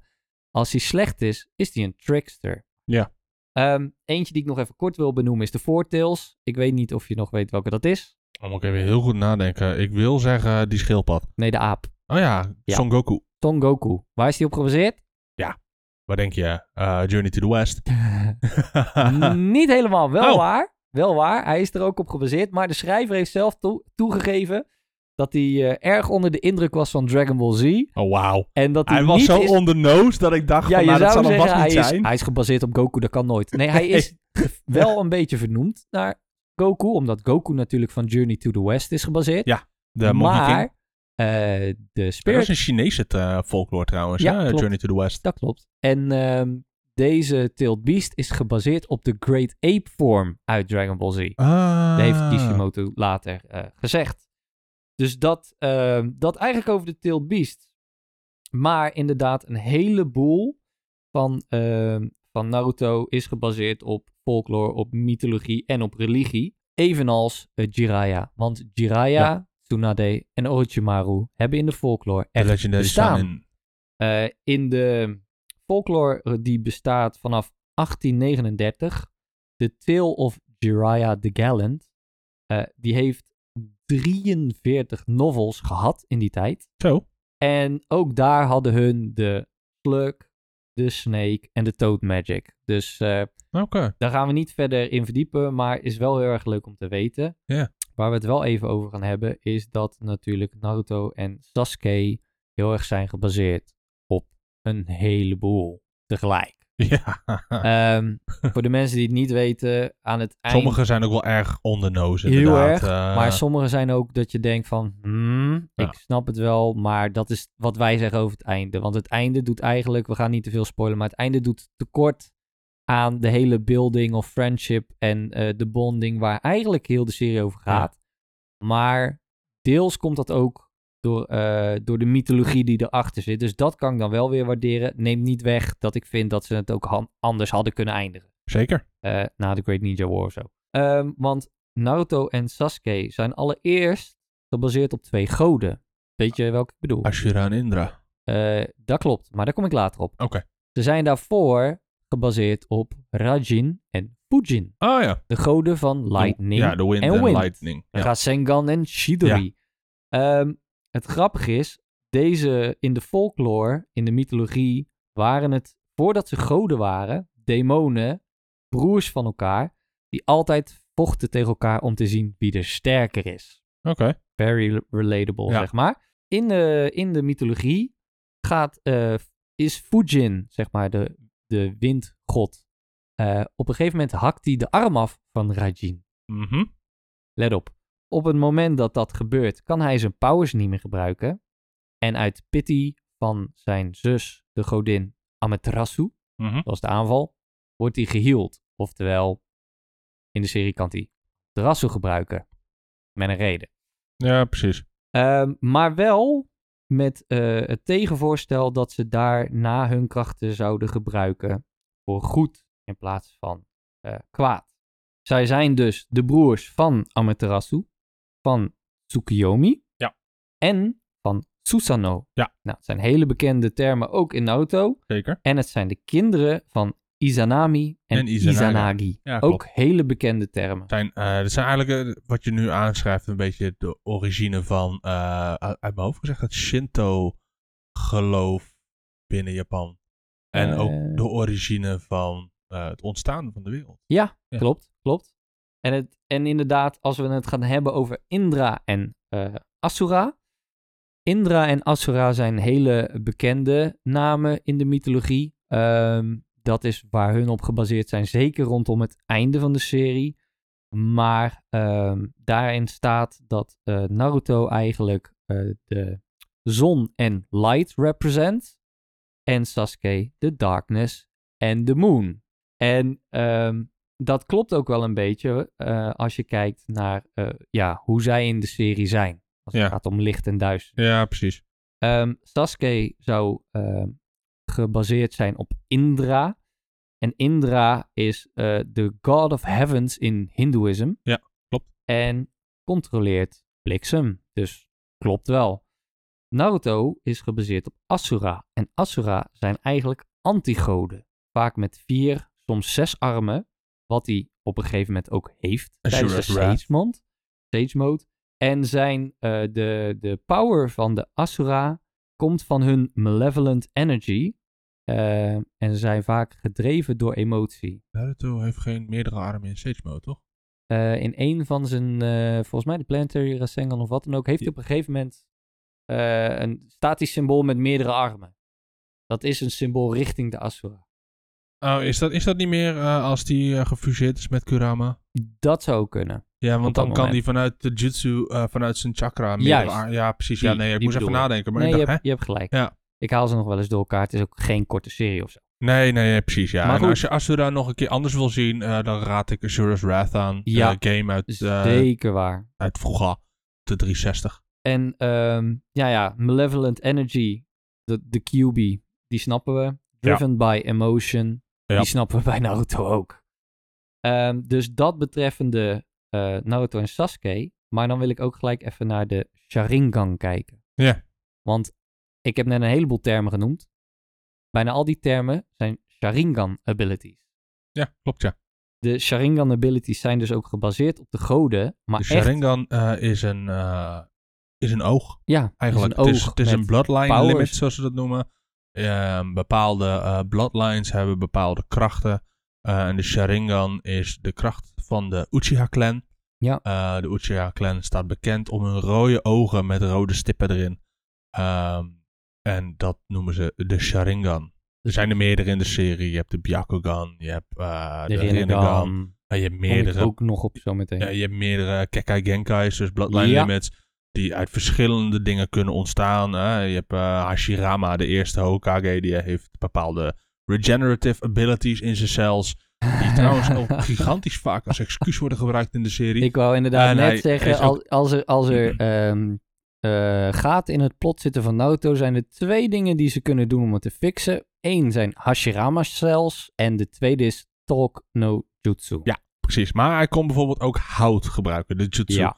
Ehm, dus hij controleerde hout, wat ook bijna niemand kan. Je hebt eh, iemand die kan zijn eigen botten vervormen.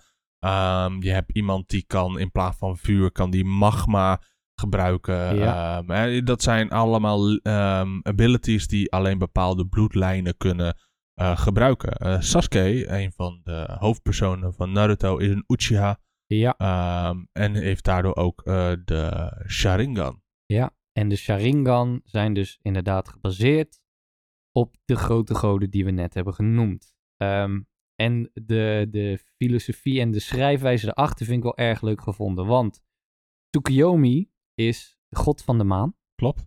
Ehm, en is Tsuki is ook eh, maan. Juist. En is gecreëerd door de vader Izanagi na het wassen van zijn rechteroog. Toen ontstond de maangod Tsukuyomi. Oké. En de maangod staat natuurlijk voor Passing of Time. Ja. Wat weer de time loop van de Tsukuyomi in Naruto verklaart. Ja. De Amaterasu is de god gecreëerd door het linkeroog te wassen van Izanagi. De god van de zon. Heb je ooit wel eens gekeken welk oog hij gebruikt als die Amaterasu gebruikt? Een linker. Ja. Ja. En Tsukuyomi is bij Itachi rechts. Volgens mij. ja. Ja, dus dat klopt ook Als nog die eens. Amaterasu gebruikt, zie je ook bloed uit zijn linkeroog komen. Juist. En Ja. dat vind ik, ik vind sowieso echt alles wat erachter zit zo goed gevonden. En de Susanoo, ook gecreëerd door de vader Izanagi. Welk lichaamsdeel denk je dat hij gewassen heeft? Wil je hier een eerlijk antwoord op? Ja, dat mag. Gooi maar. Gooi maar. Explicit content. Nee, ik heb geen idee. Vertel. De neus. Oh, Daarom dat de Susanoo in Naruto ook vaak zo'n... eh, zo'n... Puntig eh, lange ja, die neus hebben echt zo'n... ehm, noem je dat? Een, eh een tengu-neus. Juist. En Susanoo in de mythologie is de hero god. En de hero god heeft in de mythologie Orochi, de snake ja. spirit, gekild. Wat heel toevallig is gezien de Susanoo-vorm ook een snake vorm in Naruto Ja. kilt.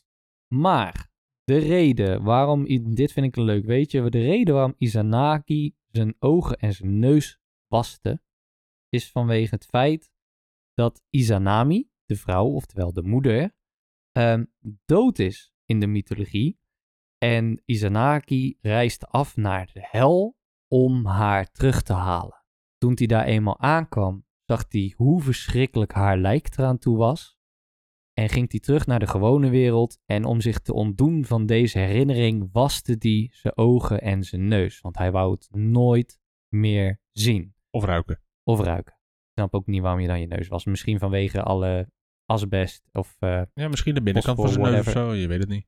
Maar dat is dan ook wel weer gelijk... Neussprays. Ja, ja. bedoel, Had, hadden ze in die tijd vast ook wel... Ja. Je bent een god. Ik bedoel, wat de fuck heb jij in godsnaam water voor nodig om jezelf te wassen? Ja, nee, ja. Ach, hè. Maar leuk weet je, Izanagi en Izanami zijn ook skills rondom Ja.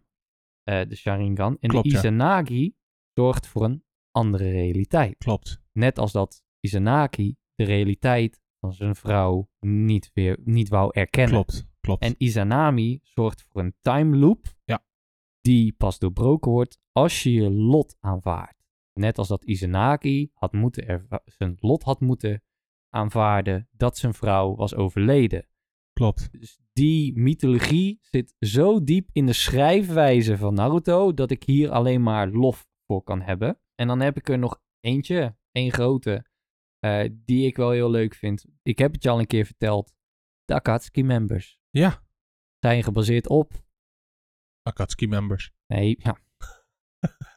Waar staan de Akatsuki members voor? Weet je dat? Eh, ja, dat heb je me inderdaad wel eens een keer verteld, ja. Ik weet het niet meer 100% zeker. Het zijn redenen waarom mensen in de echte wereld oorlog voeren. Ah, ja. En dan ga ik je even testen, kijken of dat je ze allemaal kan raden. We beginnen Oké. met Dedera. Als je zijn character kijkt, als je kijkt naar zijn skillset enzovoorts, zijn beweegreden, wat zou een real-life reden kunnen zijn om oorlog te voeren?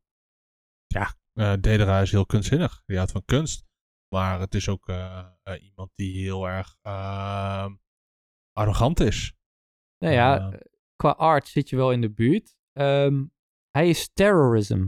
Oh, hij dropt oh, ook letterlijk een bom oh, op een village. die manier. Maar, Ik zit aan een hele hem- andere, zoek, andere kant te zoeken, zeg maar. Maar het is meer on the nose. Oké, juist. helder. Maar ehm, de, het, de artvorm klopt wel. Want eh, voor hem is destruction is art. En art is voor hem freedom. En dat is ook wel een beetje de beweegreden hoe terroristen tegenwoordig Ja. handelen, zeg maar. Ja, Akatsuki zijn trouwens de main villains van eh, Naruto. Juist. En die gaan uiteindelijk nog veel verder dan alleen de Akatsuki-members. Maar daarvoor moet je lekker de serie gaan kijken. Precies. Maar als je het in de serie nog een keer terug wil zien, in eh, episode 81 wordt het ook door Payne heel kort uitgelegd. Oh, serieus? Ja, dat wist ik dus ook niet. Heb ik even opgezocht. Dat heb ik gemist. Ehm, goed, Aflevering 81 van Shippuden. Je, ja. Oké. En dan de tegenhanger van Dedra, Sasori. Ja. Waar staat die voor? Dat is een moeilijkere.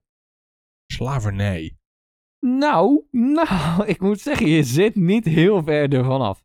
Hij staat voor Monolithic Organizations. Oftewel, mensen met hun eigen tyrannical needs. Mensen gebruiken als poppen. En alles doen vanuit hunzelf. Dus ja, een soort cult. ja, komt in de buurt. Dan gaan we naar het volgende duo, Kakuzu. Ja. Hij heeft het echt over maar bijna één ding in heel de fucking serie. Ja, orgaandonatie. Eh, nee, bijna. Illegale orgaandonatie. Waarom doet hij het? Eeuwige leven. Geld. Ja, oh ja. Geld? Resources. Ja, hij doet ja. het voor geld. Hij, Ah, ja. Heel de serie is hier redelijk gefocust op geld. Ja. Zijn tegenhanger, Hidan. Hidan? Ja, dat zou dan wel een secte zijn. Religie. Ja. Ja. komt in de buurt. Want hij is inderdaad onderdeel van een bepaalde secte die niet dood kan gaan. Juist. Hij, Ja. hij kilt letterlijk voor zijn secte, Ja. voor de religie. Dus dat, Klopt. eh, en dat is een, ook, ja, dat is een echte reden om oorlog te voeren, helaas. Itachi, Zo, die vind ik een moeilijke, man. die is, die is ook niet zo makkelijk. Die Die, is had ik echt heel lastig, geraden. Eh, Itachi maakt natuurlijk zo'n gigantische arc door. Ja, ehm, dat ik hem heel moeilijk vind om eh, te benoemen. Ehm, maar ik denk dat het ehm, meer gaat om zijn eh, het spywerk wat hij doet, zeg maar. Het infiltreren van andere eh, plekken en van binnenuit vernietigen. en, en waarom doet hij dat? Ja, goeie vraag. het is een eenmans CIA. Het is patriotism. Voor Omdat zijn I- land. Juist, ja. omdat Itachi eigenlijk alles eraan doet om Konoha te saven. Fair enough. Dus patriotism. Fair enough. Dan hebben we Kisame. Ook niet super makkelijk, maar die neem raad. Ja, Kisame. Ik vind Kisame gewoon vreed. Cruelty. Nou, ja, Ja. het zit je erg in de buurt. Hij, is, ehm, hij staat voor grudges, maar eigenlijk ook voor inequality. Ah ja. Ehm, hij vecht vooral tegen de leugens. hij gelooft ook, net als Madara en Obito, in een ideale wereld, maar anders. En de ideologie die zijn oude clan hem is opgelegd, bleken uiteindelijk leugens en manipulatie te zijn. Dus grudges. Ehm, dan hebben we Zetsu. En Zetsu natuurlijk kennen we allemaal als die enorme fucking klootzak met ulterior motives. Eh, daar hint ik eigenlijk ook mee wat de reden is. Ja, ulterior motive. Eh, Bijna. Ja. Het is ehm, eh, the rightful ruler. Ah, het geloven in een soort van chosen by the gods ruler. Net als in de medieval times. Je Ja, koningen precies. had die ook Precies. werden gekozen door God, zeg maar. Ja, en precies. hij stoomt de wereld daarvoor klaar. Oké. Dan hebben we Conan. Zo. Goeie vraag. Ja, hij ligt best wel on the nose, maar aan de andere kant toch ook weer niet. Weet je, dat is met al die Ak- Akatsuki-members. Het is zo'n tijd geleden dat ik dit allemaal heb gezien. Het, zit ook niet, het zit ook niet super diep in de serie. Nee, maar ik wou net de- zeggen, het je- is- a- het is- Zeg maar, als je de mythologie en de, de, de schrijfwijze erachter snapt, dan valt alles op zo ja, weet je, als ik het nog een keer zou zien, dan zou ik denken van, oh ja. ja, ja, ja je gaat op dingen letten als je nu terug gaat Nou kijken. ja, dat ook. Maar oh, dan zit het ook wat verser in mijn geheugen, zeg maar. Ik moet nu echt voor elke karakter echt wel diep teruggraven. Ik weet hoe ze allemaal zijn en hoe ze allemaal eruit zien en hoe de gevechten verlopen. Maar echt in diepte ehm, eh, conversaties ehm, zijn lastig. ja, nee, dat snap ik. Ehm, En dus vaak- Conan is volgens mij...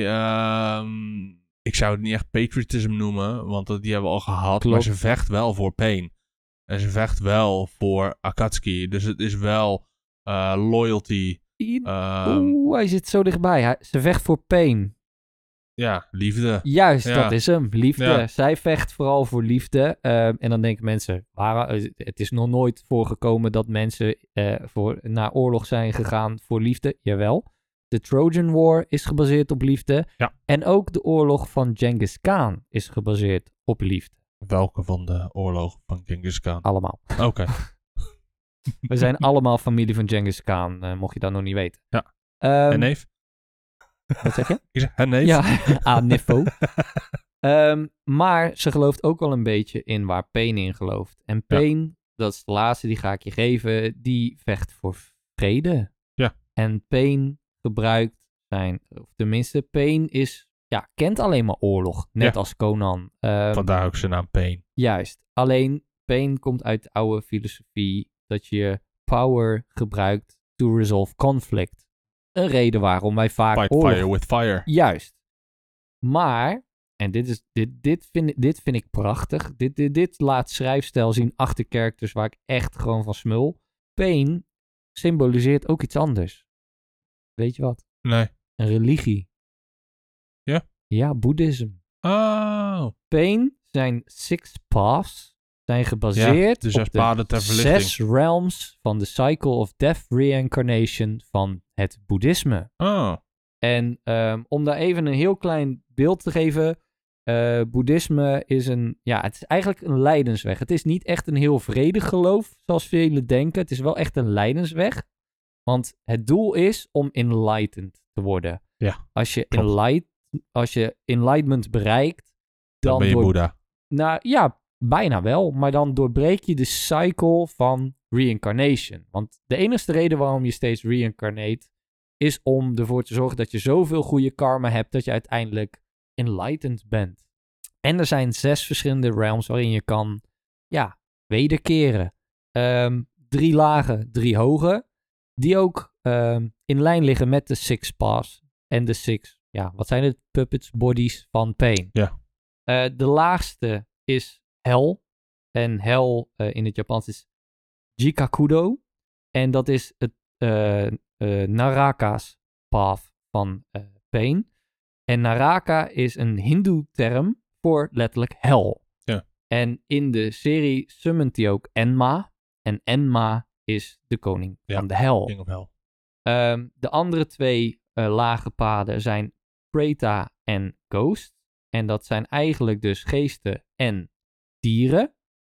En die zijn er om je, eh, je karma uit te balanceren. eh, wat niet makkelijk is als je een geest bent of als je een dier bent, want dan reageer je op instinct. Dus daarom worden die gezien als eigenlijk de drie lage tiers van het boeddhisme. Derde zijn de Asurado's, oftewel de Asura's.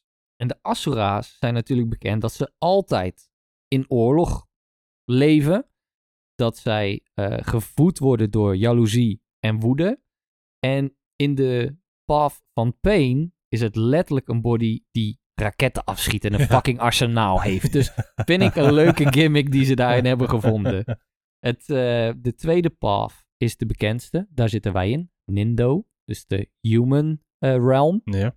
Ehm, en wij zijn vooral gebonden door onze verlangens. Wij moeten onze karma proberen zo goed mogelijk te krijgen, maar onze verlangens kunnen ons eh, terughouden. Nou, in Pain's Path klopt dat ook wel een beetje, want die is gefocust op Intel, Quest for Knowledge. En dat doet hij eigenlijk om enlightened te worden. ja, precies. Ehm, maar de leukste is natuurlijk de eh, eerste path, de Tendo.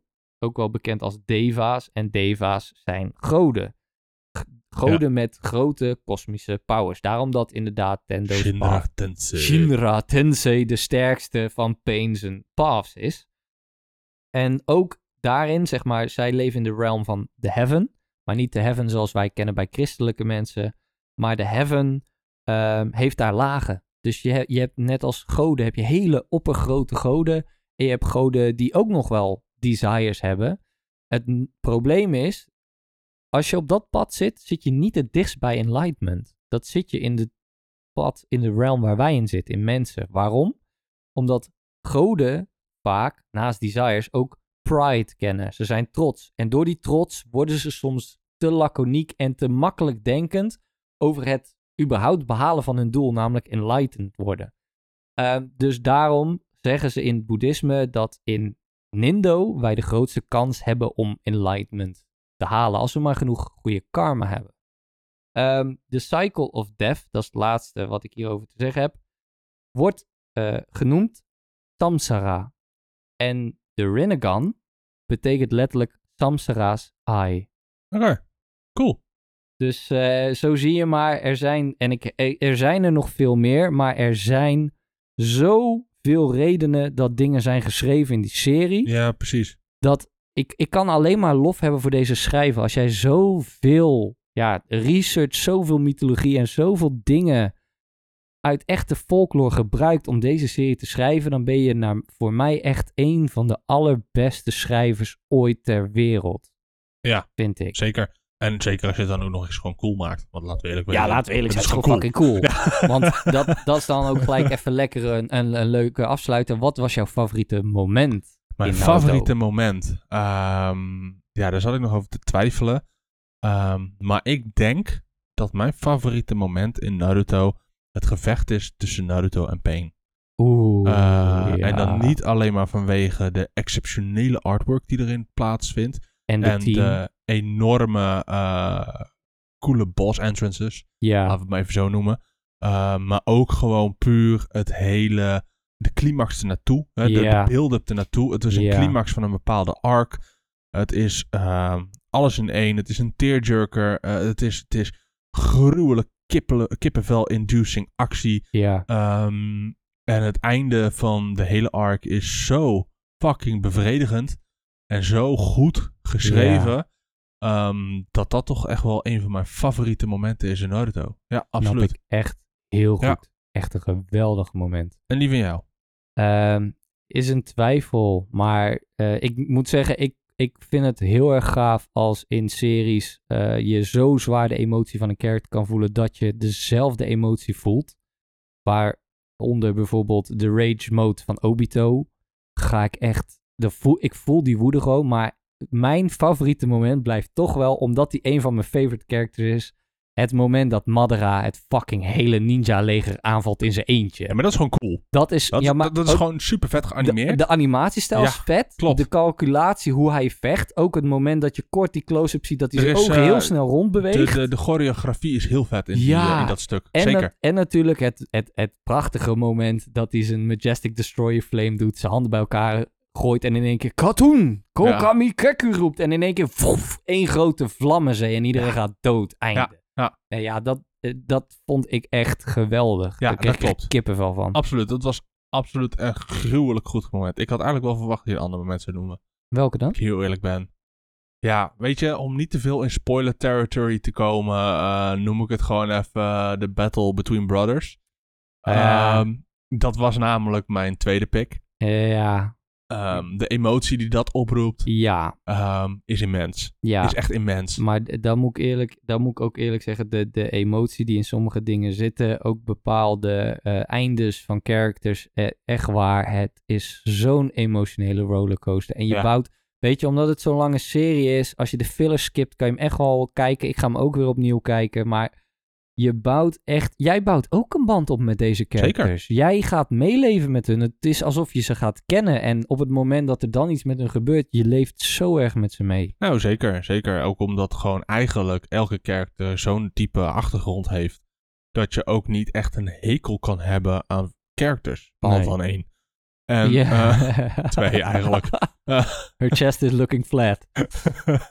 nou, nee, nog niet eens die twee. Maar, maar er, zijn- er zijn er twee richting het einde die zoveel Ja, gaat- ja, oké. pools achter elkaar poelen, zeg maar. Dat je zoiets hebt van, weet je wat, laat maar. Ja, Ik heb jou afgeschreven op dit moment. ja, Ehm, maar elke character heeft een, een fully fleshed out backstory. Bijna geen enkele character is een throwaway character. Ehm, alles heeft zijn betekenis binnen eh, het universum. En iedereen heeft zijn plaats in het universum. En ehm, het universum van Naruto. En dat maakt het ook echt wel ehm, dat, dat elk character heel erg geloofwaardig is. ja, En ehm, echt voelt. ja, Ja. 100% mee eens. Het is echt, ja, ik kan blijven zeggen, het is mijn all-time favorite. Ga hem kijken als je hem nog niet hebt gekeken. Check even waar je de fillers eruit kan halen. Maar je gaat ervan houden. Je gaat ervan houden. Het is, een, het is niet voor niets een van de big trees. Zeker. Dus, eh, maar genoeg over deze eigenlijk. Ehm, ja, volgende keer hebben We we, gaan het nu een- hebben over een andere anime die fantastisch goed is. Hebben jullie nog een half uurtje eh, Full Metal Alchemist? We zitten, Ik heb, eh, we zitten inderdaad echt...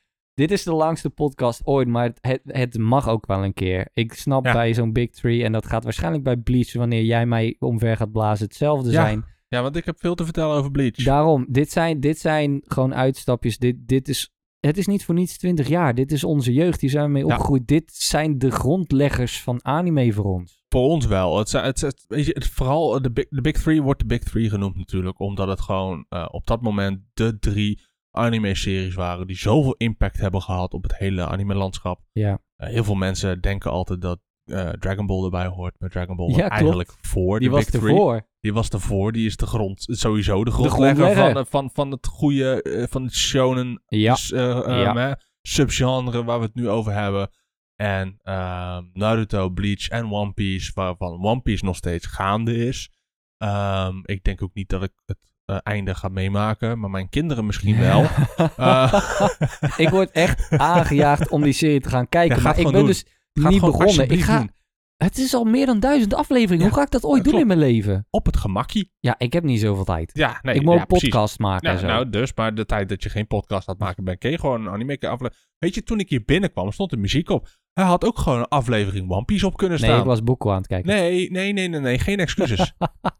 Nee, ik moest even die energie... Ik moest, ik moest me even hyped voelen. Want Ja, kom op Naruto. Het is maar één keer in een fucking podcast live. Nee, Eh, dat, dat is zeker waar, zeker waar. Maar One Piece moet je echt gaan kijken. Het, eh, dat, als je het over emotionele rollercoasters hebt, Ja, ehm, dat is is. One Piece dat niet echt. maar- Nee, dat klopt. Het verhaal is, Het verhaal is, is- wel het- echt dik. het is Ja, heel ik goed geschreven. Het is zo enorm goed geschreven.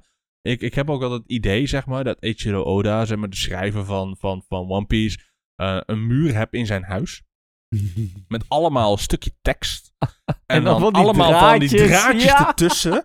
Om alles met elkaar te... bord. Ja, precies. Zo'n web hoe of intrigue, in zeg elkaar maar. Ja, ja, Ja. precies. Hoe past alles? En, en, en dat hij dat helemaal weet. En, en dat hij ook de enige is die dat weet. Ja. Zeg maar net het- als, net als dat Christopher Nolan de enigste is die weet hoe Tenet werkt. Nou, dat bedoel... Ja, nou, ik... eh, Ja. Ja, ja. Ja, ik wilde gaan zeggen, ik weet het ongeveer ook, maar nee, dat is niet waar. Nee, dat is niet waar. Nee, nee, dat dat- weet dat- niemand. Dat is echt een hele rare film Ja, een hele rare film. Maar, Maar, goed, ja, ehm, genoeg over eh, deze podcast. Ehm, hopelijk eh, hebben jullie genoten van deze eh, anderhalf uur durende podcast ongeveer. Sheesh. En volgende keer zal die... Nee, trouwens, want we gaan het waarschijnlijk hebben over Bleach, dus dan wordt hij niet over kort uit. Nee, nee. Maar ja, ook de moeite waard. En jullie kunnen ons nog steeds volgen op... Ja, eh, volg ons op Instagram, volg ons op Facebook. Eh, volg ons op, volg ons op Spotify. Ehm, als jullie ons luisteren en zien, geef ons alsjeblieft een like of een leuke review. Als jullie ons luisteren op Apple Podcast, drop een, een, een- een geschreven reviewtje. Vinden we altijd Ah, leuk. nice. Ehm, ja, er zal binnenkort een, eh, deze week een, een, een, poll komen over of de E3 nog wel ehm, relevant is, ja of nee. Eh, Ja. Doe daar lekker aan mee. En eh, zijn er vragen en of opmerkingen, kunnen jullie ons altijd bereiken via Instagram of Facebook. Stuur een berichtje. Eh, we lezen het altijd. En zoals altijd, deel ons met al je vriendjes en vriendinnetjes. Je vader, je moeder, je opa en je oma. Het maakt me niet uit wie. Deel ons. Ja, Luister daarom. ons. Luister ons. Kijk, luister de volgende keer weer. Ja, dan ga, zal ik er weer een uitsmijter uit gooien? Ja. Je, je wordt een beetje sceptisch Ja, als weet, ik weet dat je wat zeg. het is? Ze worden ook gewoon per podcast slechter. Nee, deze, deze is wel heel mooi. In de lijn van Naruto eh, zeg ik... eh, Goodbye, old friend. I'll always believe in you. Mooi. Bedankt.